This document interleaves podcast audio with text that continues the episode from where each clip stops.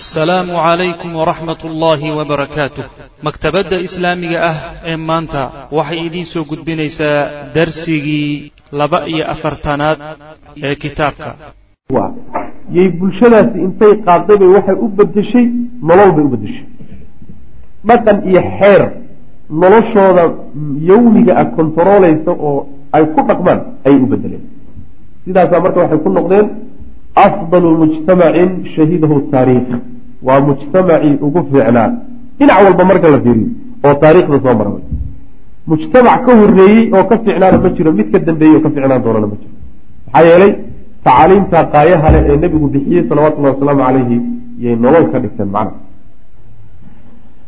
wa bijaanibi haada ma gaari karno marka ficlan si walba haddaan u dadaalno inaan gaadhnayo waa adag tahay laakiin haddaadan gaari karaynin waa inaad waxaad ka gaari karto aada la timaado wey wixii laga gaari karo dadkaa lagaga dayan karayo waa inaad kaga dayan.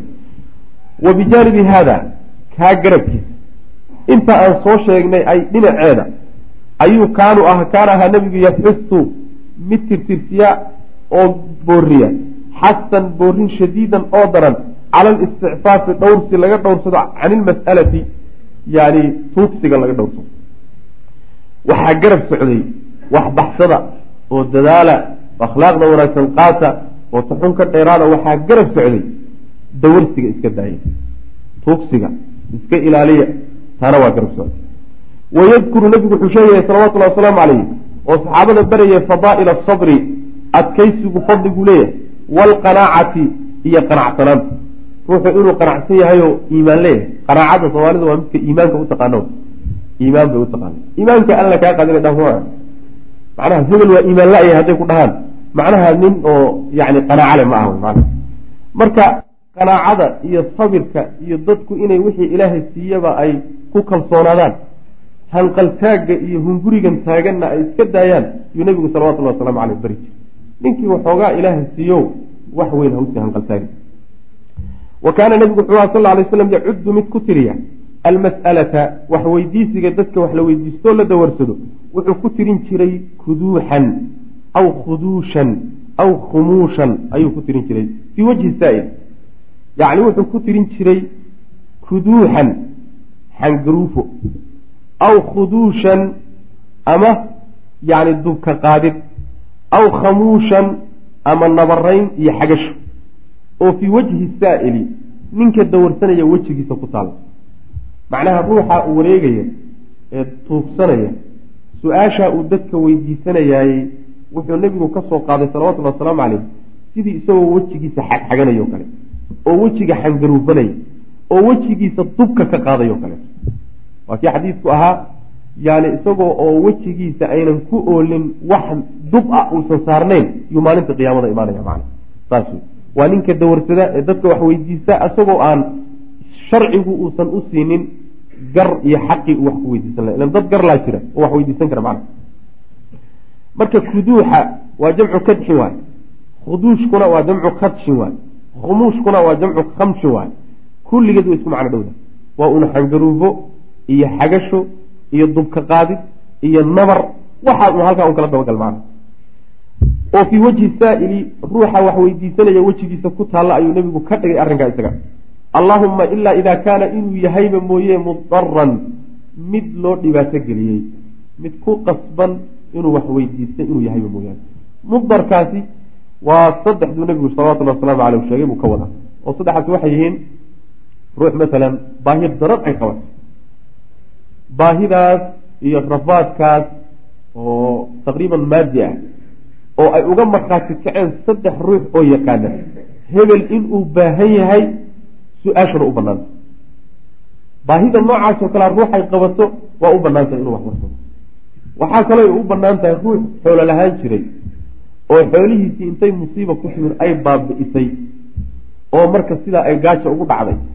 Waxoogaa uu dhabarka ku toosiyey intuu ka helayo isagana wax weydiisigu waa u banaanya ninka saddexaad ay u bannaan tahay waxa weeye waa ninka dayn qaaday.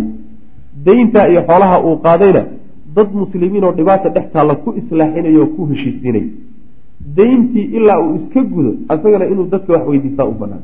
Saddexdaa wixii ka soo hadhay oo wax weydiisi oo dadka la weydiistaa waxa weeyaan maarata ceebtaasay leedahay ceebtaas waana lagu ceebabi doonaa.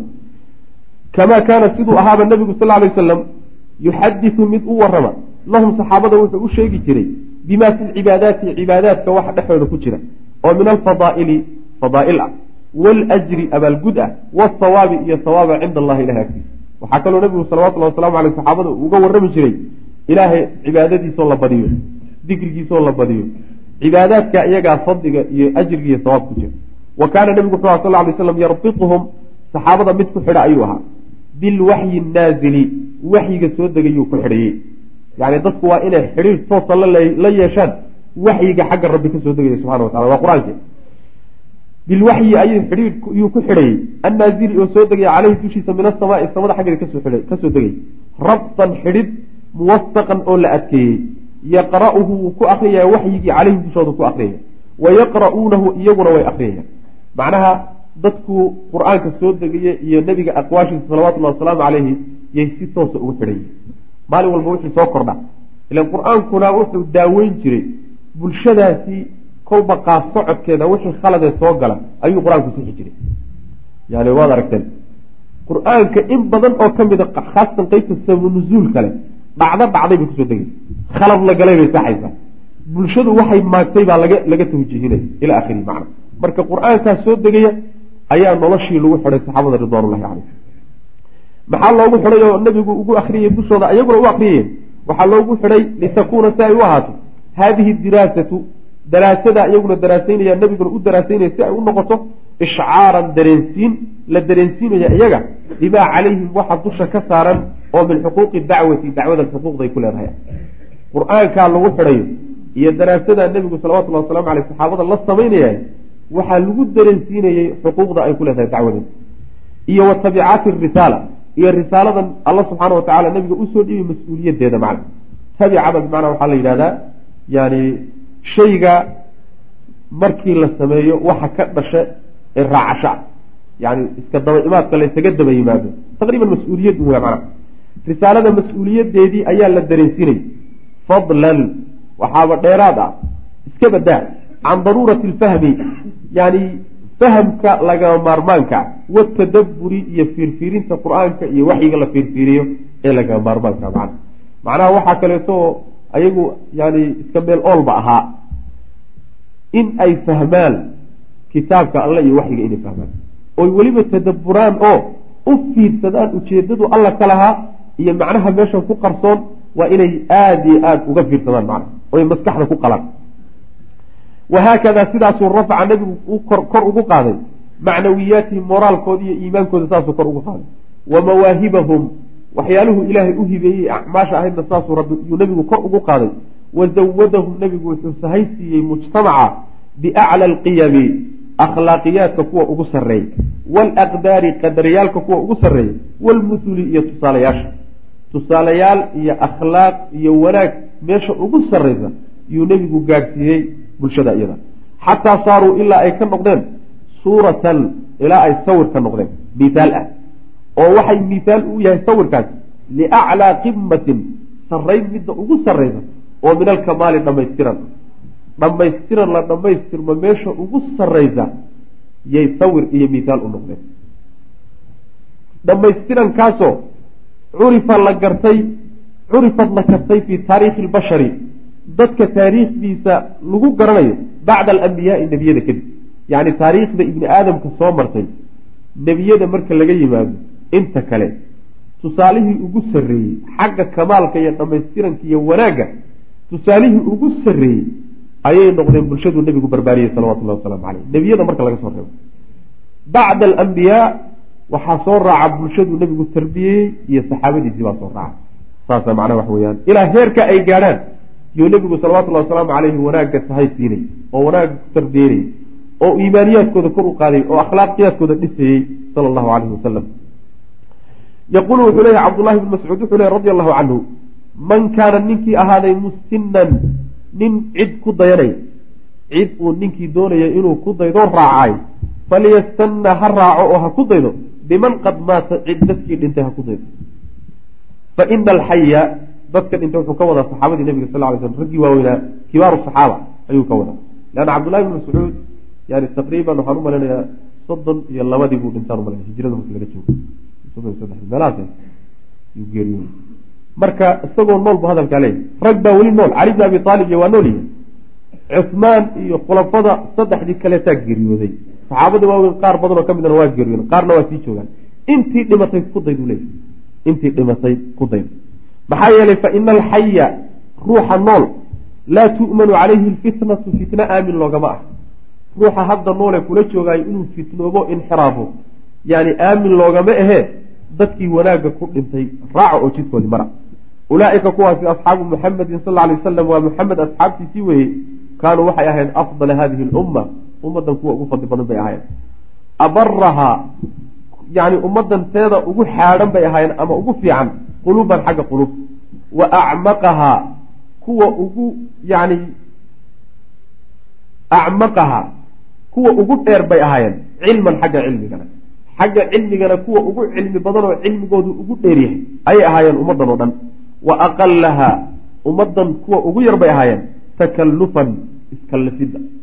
Inay waxaynan garanaynin isku kallifaan oo isku dhibaanna ummaddan kuwa ugu yar bay ahayen mayna isku dhigi jirin macnaha waxayna garanayn ikhtaarahum allahu ilaahay baa u doortay lisuxbati nabiyi sal lay sl nabiga saaxiibtinimadiisa ilahay u doortay. Ila ninka wanaagsan ilaahayna khayr la doonayo saaxiibo wanaagsan baa loo dooraa dadka kuwii ugu fiicnaa buu ilahay nabiga u xulay salawatullahi wasalaamu caleyh wuxuu marka ilaahay u doortay nabiga inay la saaxiibaan waliiqaamati diinihi diintiisa istaajinteedii la istaajinayeen ilahay waa u doortay. Inay diinta alla istaajiyaanna ayagaa hawshaa loo doortay. Facrifuu marka u aqoonsada lahum iyaga fadlahum fadligooda u aqoonsada. Dheeraadka ay leeyihiin saa u garta. Waatabicuuhum raaca saxaabada calaa aatharihim raadkoodii iyo jidkay mareenna ka dabagala watamasakuu qabsada bima stadactum wax kastood awoodaan oo min akhlaaqihim akhlaaqdoodii iyo wa siyarihim qaab nololeedkoodii ka mid. Qaabkay u noolaayeen iyo akhlaaqdoodiina waxaad ka awoodi kartaan ka qabsada maxaa yeeley fa inahum iyagu kaanuu waxay ahaayeen cala alhadyi almustaqiim hanuun toosan bay ku dul sugnaayeen jidkii toosnaa rabbi subxaana wa tacaala uu nabigiisa u soo dhiibay nimankaasaa qaaday. Marka ka dabagala oo halkaa mara cabdullahi bn mascuud baa sidaa odhan jiray radia allahu canhu wa waqad sadaqa run buu sheegay. Maxaa yeelay hadday fiqhi noqoto iyo garasho diineed iyo hadday iyo tadbiiq iyo hadday noqoto yani waxa weeyaan ku dhaqan diinta lagu dhaqmo iyo ikhlaas iyo daacadnimo hadday noqoto iyo dadaal iyo tadxiya hadday noqoto jaanib walba saxaabadu waa kaga horreeyey ridwaanullaahi calayhim ummadda inteed kale waa kaga horreeyey saas weyaan in lagu daydo marka sidaas wey rabbi baana faray subxana wa tacala kudayashadooda in diinta macnaha waxa weeyaan qaabka iyagu u dhaqmeen in loogu dhaqmo macna. Uma ina hada arasuula markaa kadib rasuulkaas alqaa'ida ee hogaamiyaha ah alacdama ee weyn kaana wuxuu ahaa yatamatacu mid laga helo oo ku raaxaysta min asifaati almacnawiya tilmaamaha macnawiga ah. Ayuu xaggooda kaga raaxaysanayay waaahirati iyo kuwa muuqda. Tilmaamaha macnawiga wuxuu ka wadaa tilmaamaha qarsoon ee qalbiga ku jira sida iimaanka iyo yani caqadiga iyo kuwaasuu ka wadaa kuwa daahirkana waxaa ka wadaa akhlaaqda kaleeto ee muuqata macna. Marka sifaadka muuqda iyo kuwa qarsoonba xaggooda nebigu salawatullahi wasalaamu caleyh wuxuu ka haystay wa min alkamaalaati dhammaystirayaalka dhammaystirka xaggiisana wuxuu ka haystay. Walwa mawaahibi waxyaalaha ilaahay bixiyey oo wanaagga xaggooda wuxuu ka haystay. Waalamjaadi sharafyaalka xaggooda wuxuu ka haystay. Waalfadaa'ili wanaagga xaggooda wuxuu ka haystay wa makaarimi alakhlaaqi akhlaaqda teeda wacan wuxuu ka haystay. Wa maxaasini alacmaal acmaasha teeda wan wanaagsan nebigu wuxuu ka haystay salawatullahi wasalaamu caleyh oo uu kaga tilmaanaa bimaa shay jacalathu ka dhigay tahwii inay u iilato ilayhi xaggiisa alafidatu quluubtu inay u iilato waxaas oo wanaag ah nebiga oo hogaamiye ahaa salawatullahi wasalaamu calayhi isaguna wuxuu kaga tilmaanaa wixii ka dhigay in ay quluubtu xaggiisa aado oo quluubtu ku xidhanto oo dadka oo dhan xaggiisa loo jeesada macnaha sala allahu calayhi wasalam leanna ruuxa dadka waxaa ku xidha akhlaaqdiisa. Saas waay.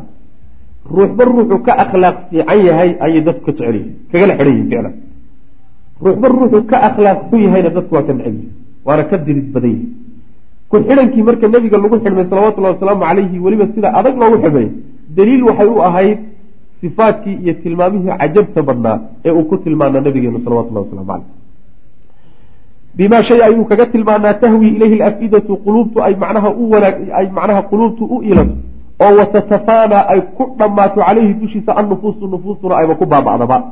Famaa yatakalamu kuma hadlo nebigu bikelimatin weedh ku hadli maayo.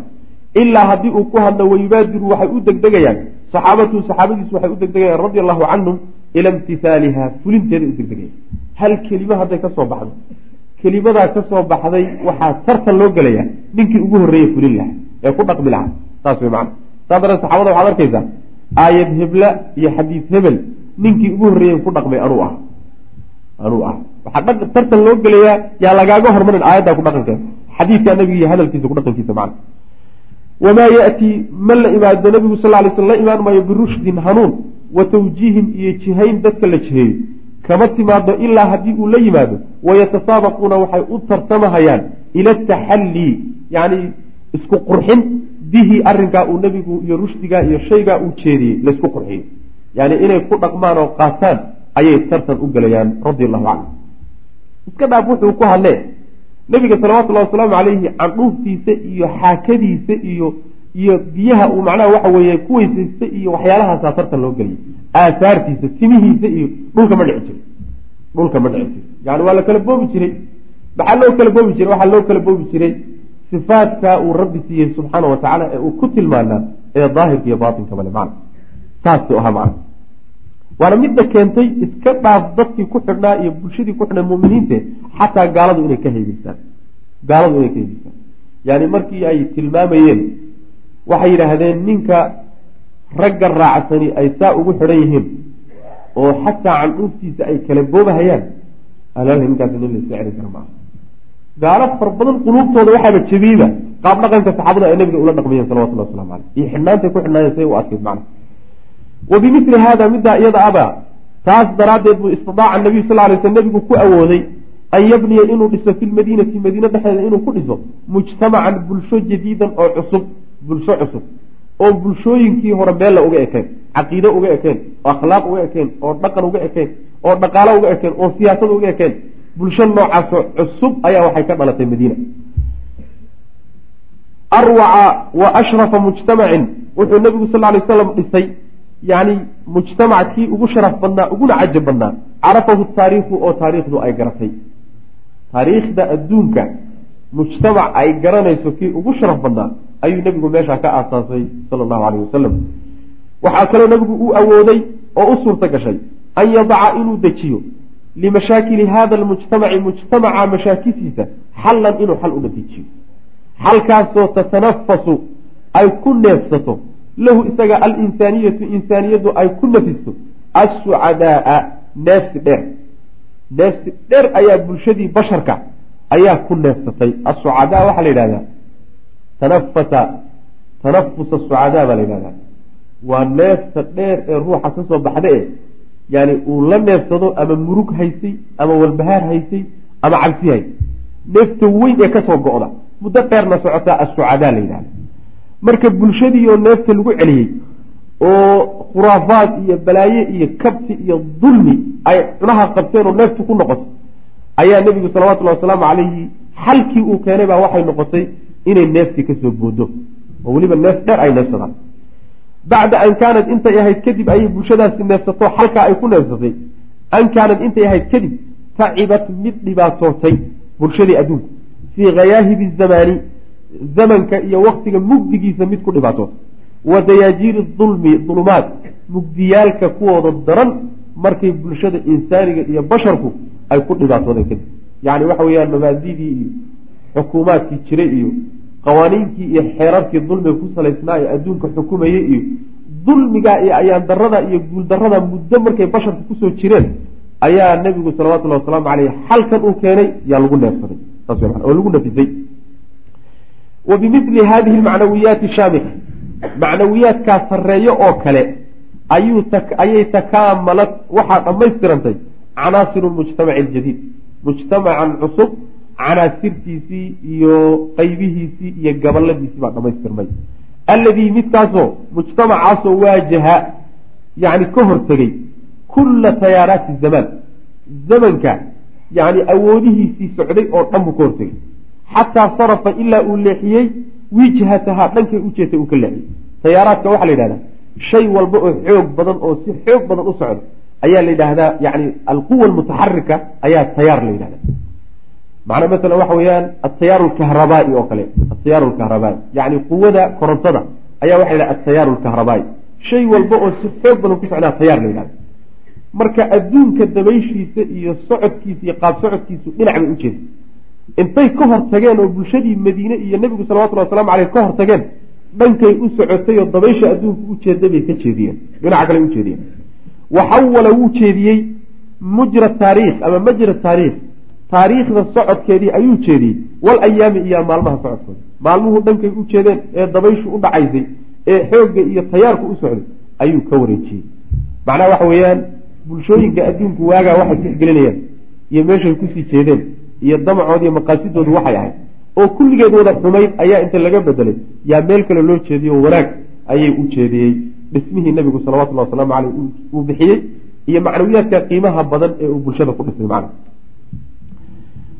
sidaasuu marka nabigu sal alay wasalam u dhisay mujtamacii madiina. Waa awalu mustacmar. Intii ka horreysa o dhan waxaan soo maraynay ummad doonaysa inay unkanto oo abuuranto. Jiritaankana loo diidan yahay. Waa markii ugu horreysay ee marka caga dhigato bulsho si buuxda islaamka u dabaqaysa markii ugu horreysa cagaheeda isku taagta wa wixii hadda ka dambeeya marka waxaa bilaabmi doona bulshadii xidhiidhka ay la leedahay bulshooyinka kale deriska la-ah ayada dhexeeda dhismihii dhamaystiran oo waa la soo dhiso waa kan hadda soo marnay. Oo lagu dhisay asaasiyaadkiiyo qawaaciddan hadda soo sheegay. Bulshadii hadday dhisantayna bulshooyinka aan la mabdaa ahayn calaaqaadkay la yeelan lahayd baa meesha laga gudagalay. Mucaahadatun maca alyahuud. Yani axdigii yahuudda lala galay. Almucaahada yani waxaan xag ku soo marnay mucaahadadii iyo cahdigii uu muslimiinta dhexdooda nebigu dhigay salawatullahi waslamu caleyh cahdigii. Tanna waa yahuuddii oo bulshadii madiine la deganayd muslimiinta ah. Ayuu nebigu salawatullahi wasalaamu caleyh cahdi ayay wada dhigteen oo la wada saxiixday. Bacda an haajara nabiyu sal ly slam nebigu markuu hijrooday kadib ila lmadiinati madiine markuu u soo hijrooday. Oo wawasiqa uu nebigu ama wasaqa uu macnaha sugay ama wawasiqa uu ku kalsoonaaday min rusuukhi qawaacidi lmujtamaci mujtamaca tiirarkiisii inay aasmeen oo adkaadeen markuu ku kalsoonaaday mujtamacii alislaamiyi ee islaamiga aljadiidi ee cusbaa mujtamacii cusbaa inuu xididada aasay oo adkaaday markuu nebigu kalsoonidaa qaatay salawatullahi wasalaamu caleyh weliba wuxuu ku qaatay biiqaamati alwaxdati tiirarka mujtamacaasi waxay ku adkaadeen biiqaamati alwaxdati yani midnimo istaajinteed la istaajiyo. Alcaqaa'idiyati midnimadaasoo xagga caqiidada. Wasiyaasiyati iyo midnimo xagga siyaasadda. Ah waalnadaamiyati iyo midnimo xagga xeerka. Ah bayna almuslimiina muslimiinta dhexdooda la istaajiyo. Macnaha waxa weyaan caqiidadii baa laga mideeyey xagga mabdi caqadiga. Ah waxaa kaloo laga mideeyey siyaasadii baa laga mideeyey. Oo hal dowlad bay leeyihiinoo hal nidaam bay leeyihiinoo hal mas'uul bay leeyihiinoo ka dambeeyaan. Hal mabda iyo qaanuunna waa leeyihi sidaa markuu bulshada nabigu u istaajiyey salawatullahi wasalaamu caleyh ayuu ra'a wuxuu arkay yani bulshada. Bulshadu inay midnimadeeda arrimaha ugu muhiimsan baa kuwana macna. Hadday bulshadu xagga caqiidadana ka midsantaho mabda ahaan waxay ku kala tagsan tahay uusan jirin. Siyaasad ahaanna ay ka midaysan tahay. Oy hal yani dowlad hoos timaado. Nidaam ahaanna ay ka midaysantaho dastuurka iyo masderka noloshu uu mid yahay. Bulshadaasi wax u dhaxayn karo khilaafa waa yari intaasuu nabigu meel dhigay salawatullahi waslamu caleyh markuu intaa meel dhigay ayuu ra'a wuxuu arkay oo nabiga la qumanaatay an yaquuma inuu istaago bitandiimi calaaqaatihi xidhiidhkiisa inuu yani hagaajiyo. Bikayri lmuslimiina muslimiinta waxaan ahayn xidhiidhku la leeyay. Bulshooyinkii kale xidhiidhku la yeelan lahaa noocuu ahaan lahaa inuu nadaamiyu marka oo qorsheeyuu nabigu bilaabay salawatullahi waslamu caleyh yani ma aha sidaan horeyba u soo sheegnay. Islaamku keliyeeta ma aha waxoogaa dad uun akhlaaqiyaadkii islaamka haysta haddii la helo. Kafa intaa ka fara badan waxba la sii raadin. Saas maaha waa mafhuum aada qaasir oo khalada waay. Islaamku waa dowlad iyo nidaam iyo bulsho buuxda waaye waxba kama maqna nolol buuxda waay. Waa inuu isagaa xadidanayo calaqaadka uu la yeelanayo bulshooyinka kale iyo dowlado kaleetoo darisayihin hadduu jiro. Waa kan kadaata nebigu salawatullahi wasalaamu caleyh bilaabay xidhiidhkii uu la yeelan lahaa bulshooyinka kale. Wa kaana wuxuu ahaa nabigu wa kaana waxaa hamuhu yani qasadkiisu wuxuu ahaa nabiga fii dalika arrinka. Xidhiidhkaa uu yuhuudda la samaynayo wuxuu uga gol lahaa.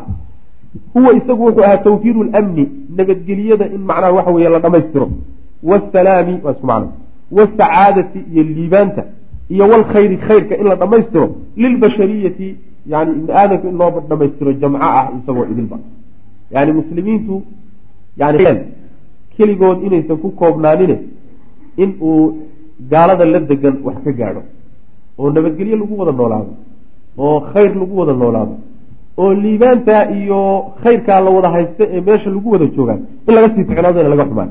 Leanna nabiga sal ly wasalam yani xataa diridda ilahay uu soo diray subxaana watacaala mu'miniinta keliyeeta ma ahayne bashariyadoo dhan buu naxariis u ahaa sala allahu aleyh wasalam maca tandiimi lmantiqati iyadoo weliba gobolka oo la nadaamiyo fii wifaaqin waaxidin iswaafaqsanaan hal mid ah gobolka bulshooyinka degan oo hal meel lagu mideeyo layswaafajiyo qaab noocaasoo kaleeta in loo tandiimiyo fasanna markaasuu nabigu sal lay wasalam wuxuu jideeyey fii dalika arrinkaa dhexdiisa wuxuu ku jideeyey qawaaniina asamaax yacni isxaq dhowrida iyo isu dhaafidda xeerkeedii watajaawuzi iyo isu dulqaadashada in laysu dulqaato oo laysu dhaafo oo laysqadariyo oon laysku xadgudbin xeerarkii arrimaha tilmaamayay buu nabigu dejiyey salawatullah waslamu caleyh allatii xeerarkaasoo lam tachad aynan yani ayna soo marin fii caalam lam tuchad aan la soo marin dheh fii caalamin yani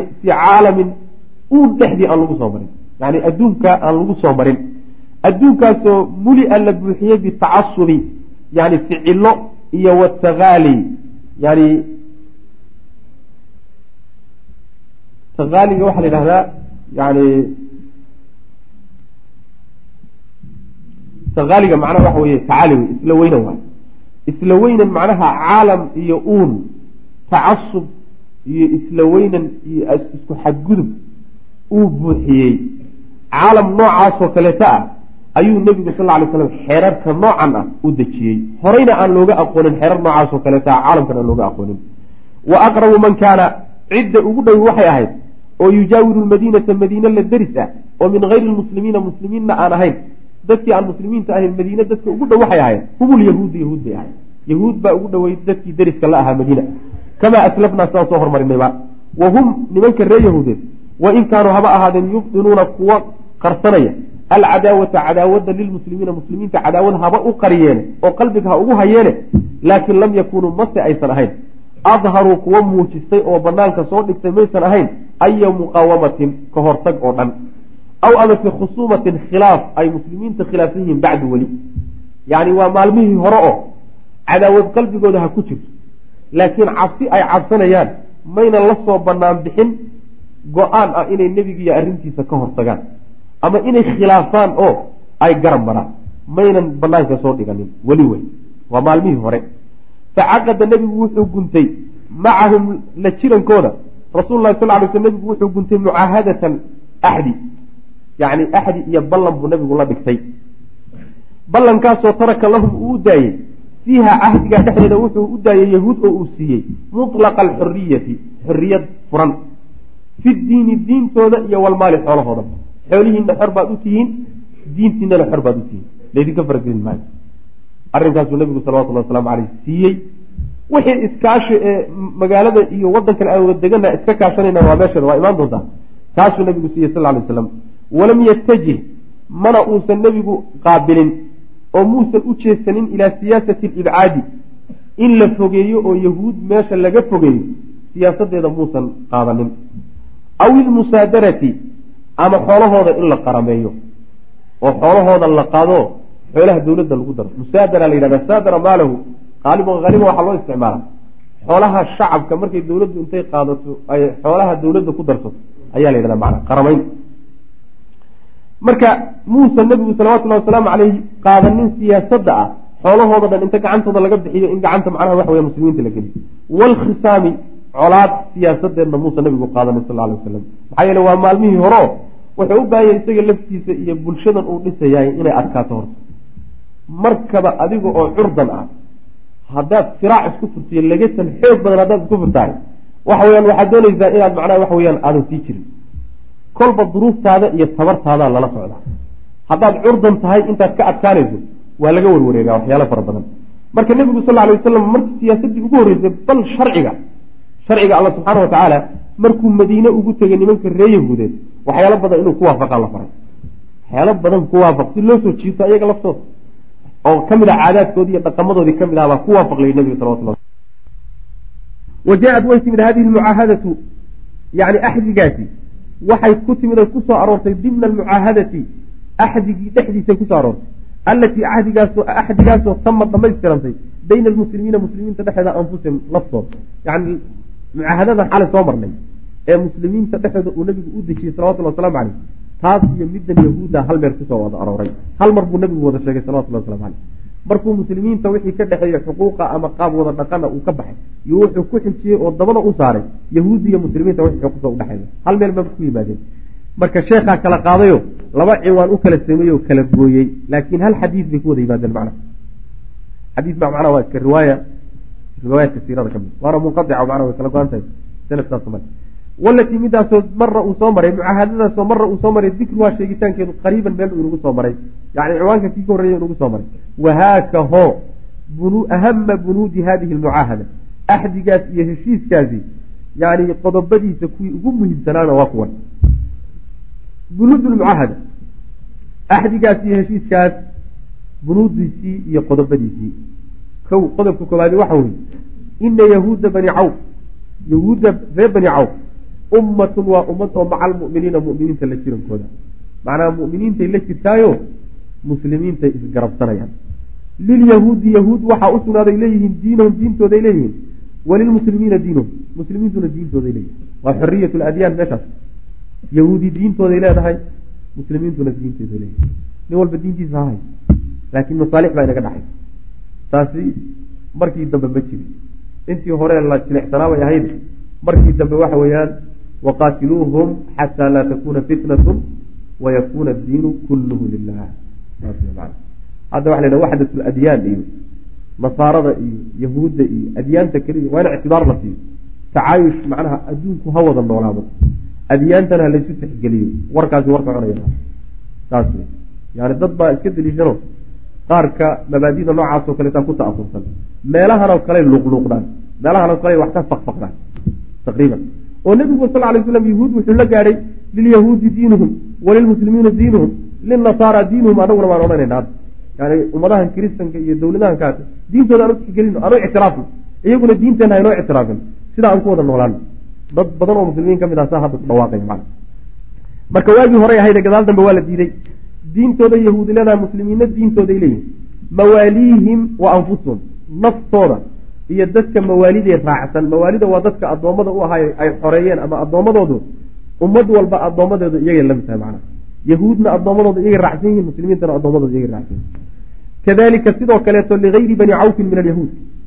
Reer bani cawf yahuudda reer bani cawf baa hadda sheegnaye wixii kale ee yahuud oo dhanna sidoo kale diintooday leeyihiin muslimiintuna diintooday leeyihiin hana la iskaashan.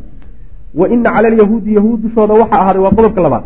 Nafaqatuhum inay nafaqadooda la yimaadaan wa cala almuslimiina muslimiintana waxaa dushooda a nafaqatuhum nafaqadooda waxaa laga wadaa goorta dagaal la wada gelayo oo hal jiho lala wada dagaalamayo degmada iyo magaalada la wada difaacayo yahuudina kharashkeeda iyadaa la imaan muslimiintuna kharashkooda iyagaa la imaan. Saas wey maana waxaa jirtay buu leeyahay suhayli xilligaa isagoo dagaalka wax ka geli jireen haddii haniimo la soo qabsado haniimadana waxbaa laga siin jiray. Yahuudi iyo muslimiintu waa qaybsan jireen saasuu suhayli sheegaya macana ta saddexaadi waxa weeyaan wa ina baynahum dhexdooda waxa a muslimiinta iyo yahuuda annasru inay isu hiiliyaan calaa man cid dushii inay isaga hiiliyaan xaaraba la dagaalama ahla haadihi saxiifati waraaqdan hadda la kala qortay dadka kala qortay oo yahuud iyo muslimiin ah cid walba oo la dagaalanta waa inay iska kaashadaan oo isaga hiiliyaan macna ayib wa baynahum dhexdooda waxa ah annusxu waalnasiixatu daacadnimo iyo isu naseexayn waalbira wa ana albira wanaaguna duuna alismi dembiga midkii teedaya waay. Waxaa laga wadaa walbiru ama walbira duuna alismi. Waxaa laga wadaa wanaagu waa inuu dadka ka qabto oo ka celiyo xumaanta ka celiyo. Oo uu uga noqdo derbi saas way macnaha. Macnaha wixii wanaaga ha la qaato wanaaggaa la qaatayna xumaanta haynaga celiyo.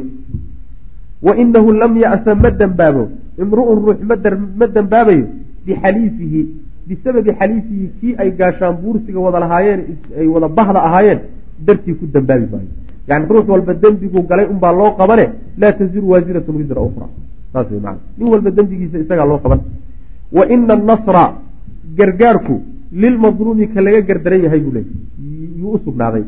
Macnaha cidda hiilada mudan in loo hiiliyo waa ruuxa laga gardaran yahay. Ka gardaran ee daalimkaa ninkuu doonay ha noqdana waa inaan wada qabanno ka laga gardaran yahayna waa inaan u hiilino ninkuu dooniba ha noqday wa ina alyahuuda qodobka toddobaad wey yahuudi yattafiquuna waxay yattafiquuna waxay waafaqayaan maca almu'miniina mu'miniinta ayay waafaqayaan maadaamuu intay mu'miniintu daa'im ku yihiin muxaaribiina kuwa dagaalamaya inay ama muxaarabiina kuwa lala dagaalamaya inay intay mu'miniintu dagaal ku jiraanna yahuudi waa inay la mawqif noqoto oo ay ku waafaqdo dagaalka isaga saas wey macana macnaha waxa weye hadday mu'miniintu go'aan qaataan lagula dagaalamayo jiha mucayana oo colaada dhex marto yahuudina waa inay colaadaa gasho. Uga bixi mayso macnaha saas wey taxaalufka macnaa heshiiskaa qoraysa iyada. Wa ina yasriba madiine magaalada la yidhahdo waa midka sideedaad. Go'aanka macnaha waxa weyaan bandiga sideed waxa weye wa ina yasriba madiino xaraamun. Waa xaaraam wey jawfuhaa gudaheedu waa xaaraam oo xumaan laguma samayn karo. Liajli haadihi saxiifati waraaqdan daraaddeed waraaqdan hadda aan kala qornay daraaddeed ayaa magaalada madiina gudaheedu xaaraam ku tahay. Macnaha xumaan baan yani lagula imaan karaynin.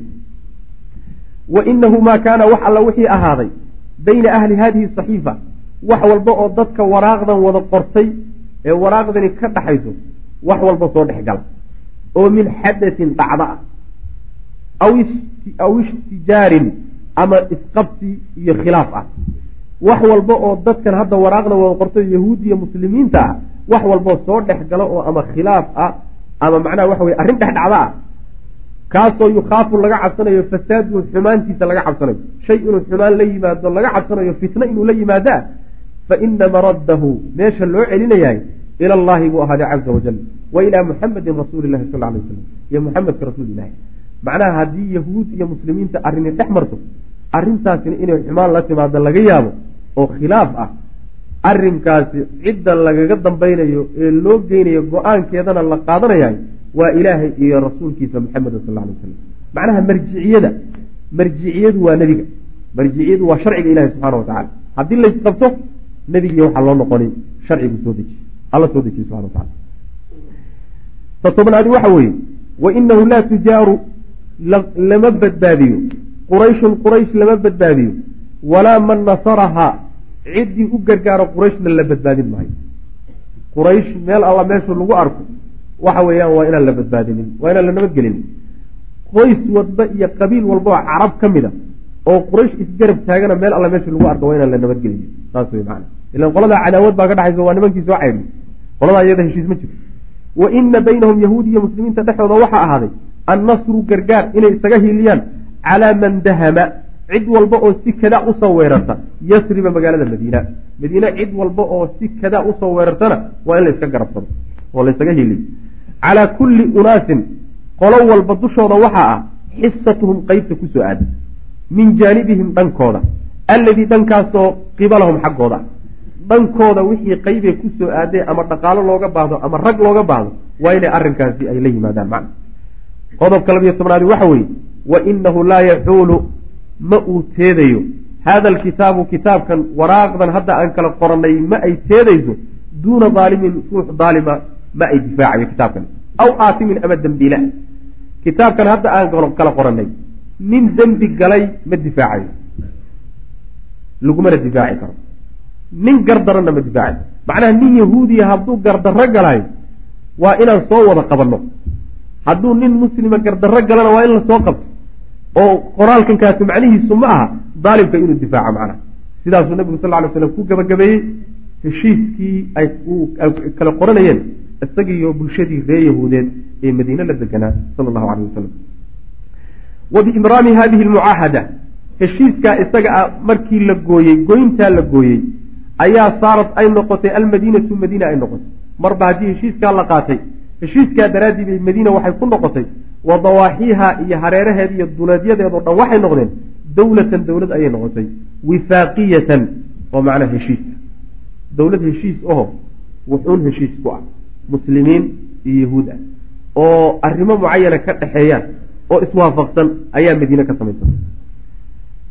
Ayib caasimatuhaa magaalada caasimadeeda magaalo madaxda dowladdaasi almadiinatu magaalada madiine wey wa ra'iisuhaa madaxweynaheeduna in saxa hada tacbiiru hadalkaasi hadduu sax yahay rasuulu llahi wey sal alay wasalam macnaha nebiga ra'iis ma la dhihi karaa saas ma in saxa hada tacbiir wuxuu uleeyahay yani kuma soo aroorin laa fi lqur'aan walaa fi sunna intaan garanayno nebigoo la yidhahdo salawatullahi wasalamu aleyh ra'iis lagu tilmaamo marka haddiiba la qadaro hadalkaasi inuu sax noqon karo nebiga marka loo fiiriyo haddaan fiirino madaxweynaha dowladdaasi wuxuu ahaa nebigeena salawatullah waslamu aleyh saas wlkelimatu naafidatu kelimada fulay hadalka aan hadal laga daba odhan karin lana diidi karin. Wasuldaanu alghaalibu iyo awoodda sarana fiiha madiine dhexeeda ama dowladda dhexeeda lilmuslimiina muslimiinta usugnaa muslimiinta lahaa yani awoodda sare iyo kelimada aan laga daba hadli karin iyo cidda loo laabanayo muslimiinta iska lahaa yahuuddu qoysas un meesha degan heshiis lala galay bay ka ahayen bis daraf bay ka ahayen laakiin awoodda muslimiinta iska lahaa wabidalika taa daraaddeed bay asbaxat ilmadiinatu madiina waxay noqotay caasimatan magaalo madaxa bay noqotay xaqiiqiyatan oo xaqiiqiya lilislaami islaamka ay magaalo madax u noqotay. Meesha uu islaamku ka unkamay dowladiisuna ka dhisantay noqotay. Walitawsiici mandiqati alamni yani gobolka nabadgeliyada gobolka nabadgeliyadiisa waasicinteeda wasalaami yani nabadgeliyada gobolka waasicin la waasicinayo daraaddeed iyo ballaadhin la ballaadhinayo ayuu caahada nabiyu sal lay sl nabigu wuxuu heshiis la galay qabaa'ila ukhraa qabiilooyin kale fi lmustaqbali mustaqbalka dambe si loo ballaadhiyo bimili hadihi almucaahadati ballantaa iyo xeerkaasoo kaleu nabigu la dejistay oo kuleeshiiye macna macnaha. Madiine markii meel layska dhigay oo ay u qeybsantay muslim iyo mucaahid ayaa nebigu markaa wuxuu u gudbay salawatullhi wasalamu aleyh intaa kuma gaabsanine qabaa-ishii kaleete ee madiine ka agdhowaa wuu durkiyey. Markaasuu mid mid heshiis ula galay waxaa laga yaabaa qabiilkan isagoo gaalo ah gaalnimadiisa in arrimo lagula saxiixo ilan suurtagal umaahay nabiga sal lay waslam hal mar inuu adduunka oo dhan dagaal ku iclaamiyo suurtagal umaaha tabar baa meesha jirtay. Oo imkaaniyaad baan meesha macnaha waxa weye jirin. Mar haddii tabar la'aan ay meesha jirto intaad ka xoogeysanayso kan la heshiis kana la dagaalam saas wey maana dadka intiisa badanna heshiis la gal oo iska deji ka naxas intaa xoogeyso markaad xoogeysatana nina ha u abayeeli nin diinta ilahay soo gala mooya saas mucaahid iyo dimi iyo muslim dadka uqaysana laakiin intaad tabar la'aanta tahay hadda waxa wey waad xeelaydeysan saas nebigu marka qabaa-il fara badan buu heshiisyo noocaasoo kale ala galay. Xasaba duruufi kolba tabarta iyo duruuftu siday ahay wasayaأti dikruha sheegitaankeeduna dib buu ka imaan doonaa insha allahu tacala wabilahi towfiiq sal allahuma waslama calaa nabiyina muxamedi wala alih wasabi waslm alxamdulilah rabbi alamiin sal allahu waslm ala nabiyina muxamedi wala alih wasaxbihi ajmaciin ama bacd waxaa soo gaarnay ciwaanka uu sheekhu inoo sameeyey ku magacaabay alkifaac addamin kaas oo macnihiisu u yahay halgankii uu dhiigu ka qubanayay. Macnaheedu waxa weeye horaanna waxaan ku soo dhex jirnay.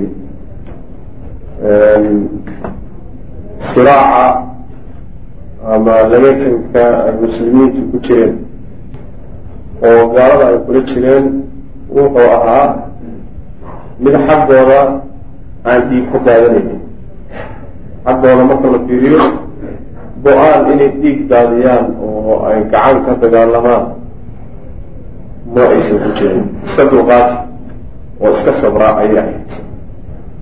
Xaaladdii marka waa tadawurtay waxaa inoo dambeysay ayadoo nabigu sal alla alay wasalam magaalada madiina uu ku aasaasay bulsho deegaamadii ama magaalada deganaa ama deriska la ahaana uu heshiis la galay nabigu salawatullahi wasalaamu calayh meeshaa marka waxaa ka aasaasantay dowlad xukuuma islaamiya ayaa meeshaas xididada asatay xukuumaddaasi marka cadow badan bay leedahay.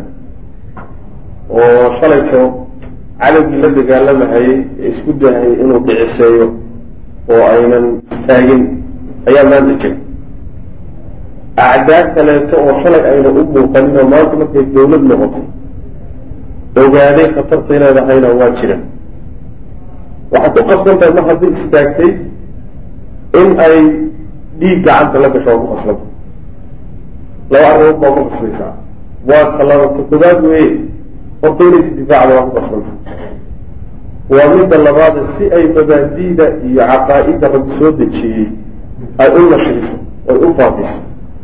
In ay macnaha iyadana sababkaa daraadii dhiig faraha uga gashan waa ku qasbanta arrinkaasaa marka hadda meesha laga gelaya saas daraaddeed sheekhu wuxuu nagu magacaabay oo ciwaanka kaga dhigay alkifaa addaami. Halgankii uu dhiigu ka qubanayay. Istibzaazaatu qurayshin ضida almuslimiina bacda alhijra watisaalihim bicabdillahi bn ubay.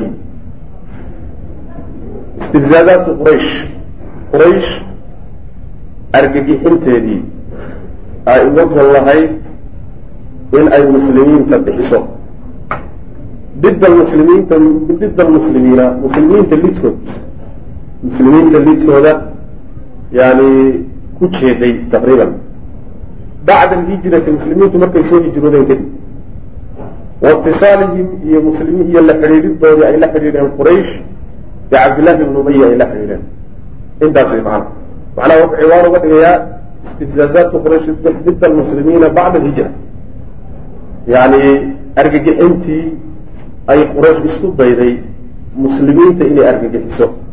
Markay soo hijroodeen madiine ay yimaadeen kadib. Iyo xidhiirkay la soo sameeyeen cabdullahi bn ubay. Cabdullahi bn ubay oo ra'su lmunaafiqiin marka dambe noqon doona odayna ahaa u caleema saarnaa markuu nebigu madiine yimid. In oday laga dhigto ninkaasoo cadaawad adag u hayay nebiga salawatullahi wasalaamu caleyh madiinada ku noolaa. Oday la maqlana ahaa. Ayay xidhiir la soo samaystay quraysh si uu ugu kaco nebiga salawatullahi waslamu caleyh iyo waxaa kalooy bilaabeen inay muslimiinta madiine ayagoo jooga halkaa inay ku argagixiyaan. Istibzaadka marka waxaa bimacna aliscaaj aladi yuqsadu bihi likhraaj yani ruuxa markaad argagixiso oo aada cagsiiso ujeedadaaduna ay tahay inuu meesha ka baxo oo joogi kari waayo ayaa istibzaaz la yidhahda qad aslafnaa waxaan soo hormarinay maa kaana wixii ay ahayd ya'tii mid ay la yimaad mid ay la timaado bihi isaga kufaaru makata maka gaaladii ku nooleed waxay la imaanaysay oo min atankiilaati ciqaabo ah iyo walweylaati hoogag ah.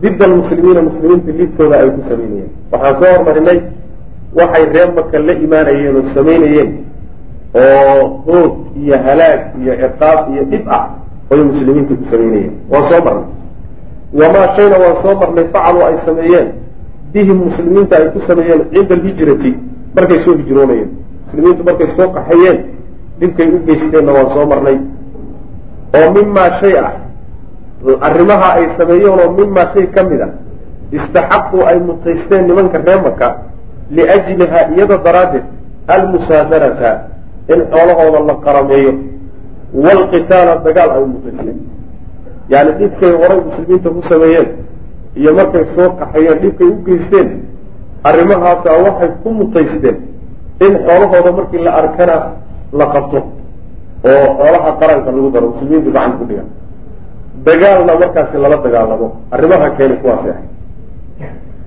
ilaa anahum laakiinse lam yakunuu maysan ahayn nimankaa reer qureysheed liyafiiquu kuu ka baraaruga min gayihim baadinimadoodaas baadinimada ay lunsan yihiin oo ay ku lunsan yihiin muslimiinta iyo waxgaadhsiintooda niman ka baraarugay mayna noqonin.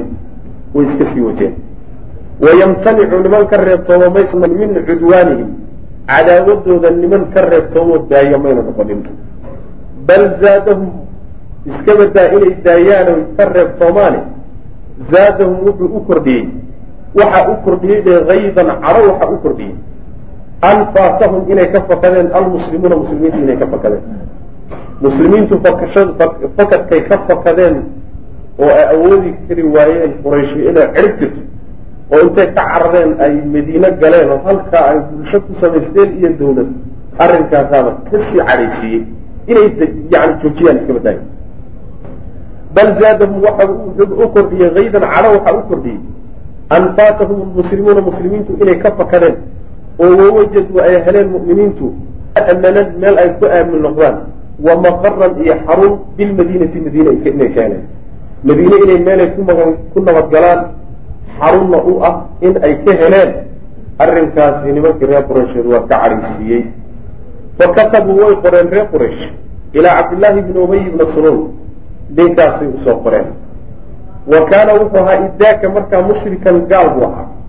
Bisifatihi ku tilmaanaanta uu ku tilmaanaa daraaddeed ayuu gaal ku noqday.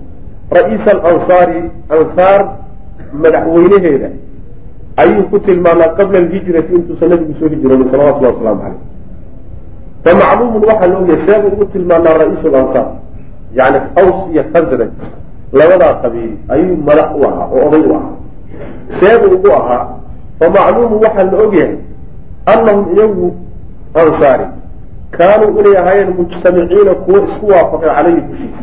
Yani way isugu yimaadeen inay madax ka dhigtaanoo oday ugaasi ama suldaana ay ka dhigtaan. Wakaaduu waxayna sigeenay ku dhawaadeenba yajcaluunahu inay ka dhigtaan melikan boqor calaa anfusihim nafyaalkooda inuu boqor u noqdo. Yayba ku sigteen lawlaa an haajara haddii ayna jiri lahayn inuu soo hijrooday rasuululahi sal alay waslam oo wa aamuru ay rumeeyeen bi isaga haddii uusan nebigu hijradiisa iyo rumayntay rumeeyeen ayna jiri lahayn arrintu waxayba ku dhawaatayba inay boqor ka dhigtaan oo caadigu caleyma saarnaa maca waxayna ku timid wanaga xag ku soo marnay. Yani aws iyo khasraj labadaa qabiil labada qabiiloo aada isu nacab oo dagaal muddo dheer socday uu ka soo dhexeeyey baa. Wada dhashayna dagaalkii muddo dheer markuu soo socdo odayaal odayaal fara badan ku tageen. Gadaal dambe way arkeen waxaa halagu heshiiyey marka inuu yani hal oday la wada samaysto oo hal boqor la wada samaysto oo khilaafaadkii dhibaatooyinka la dhameeyo isaga ayaa marka wuxuu noqday ninka ku soo baxay labadii qabiil oo heshiiyey.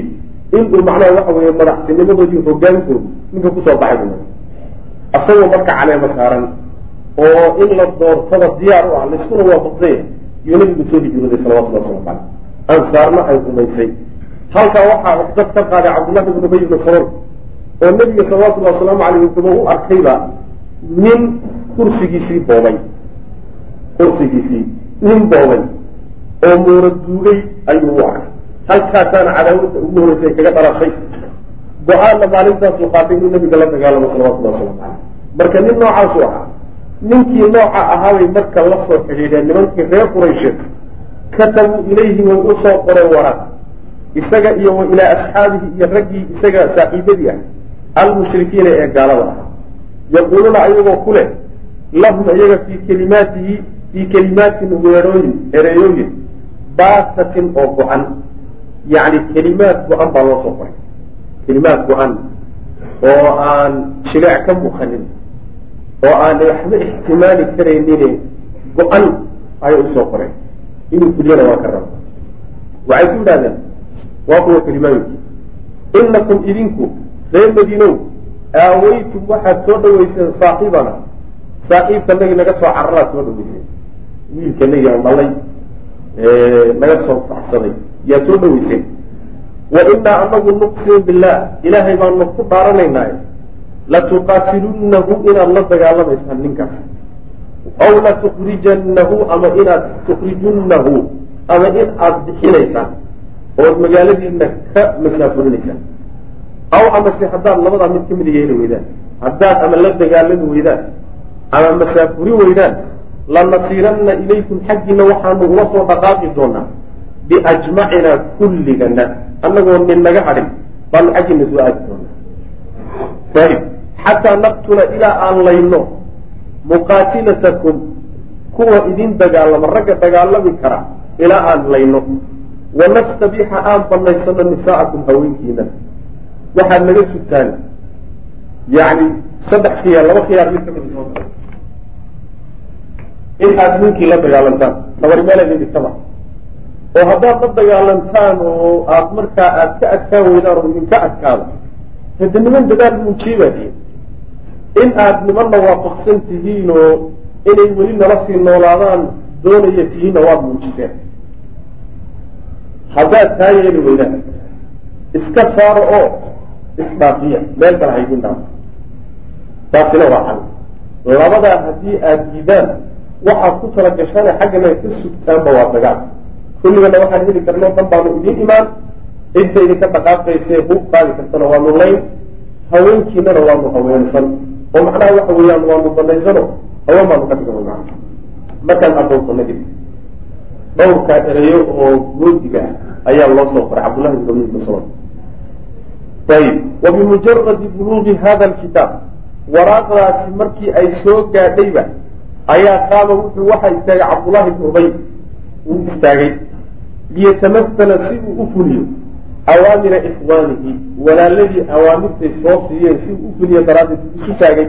Almushrikiina ee gaalada ahaa oo min ahli makata reer maka ah kuwii ay mabda-a walaalo ahaayeen ee reer makee gaalada wada ahaayeen taladay soo bixiyeen iyo amarkoodii inuu fuliyo isu taagay waqad kaana wuxuuna ahaa cabdullaahi. Yaxkidu mid yani xasb xasbe ayuu ahaa. Cala nabiyi nebiga dushiisa ayuu xiqdi u hayay. Limaa yaraahu wuxuu arka daraaddeed annahu nebigu istalabahu inuu ka boobay mulkahu boqortooyadiisa aragtida uu arkayo oo nebigu inuu boqortooye iyo kursi u soo banaan baxay oo banaanka ugu soo baxay inuu ka boobay ah aragtidaas daraaddeed buu nebiga xiqdi iyo ugu qaaday yani xumaan ugu qaaday. Yaqul wuxuu lehy cabdiraxmaan bn abkacb falama balaga dalika arrinkaasi markuu gaadhay cabdallahi ibnu ubay waman kaana macahu iyo ciddii isaga la joogtay oo min cabadati alawfaani dhagaxyaanta kuwii caabudi jiray ka mid markay arrinkaasi soo gaadhay bay ijtamacuu kulmeen oo isku waafaqeen. Liqitaali rasuuli lahi sal lay sl nebiga inay la dagaalamaan bay isku waafaqeen. Go'aan waxay ku qaateen laba shari waa inaan midkan yani waxa fudud doorano midka fudud waxa weeye inaan la dagaalamin tabarmeelena fisada maxay nimankaa reer qurayshe dhinaca marka la fiiriyo isku mabda bayna oo mabda u dagaalamayna waa mabdaeena marka labaadna niman hadda walaalayaal darsigaani halkaas ayuu ku eg yahay. Allah tabaaraka wa tacaala waxaan ka baryaynaa inuu nagu anfaco. Assalaamu calaykum waraxmat ullaahi wbarakaatu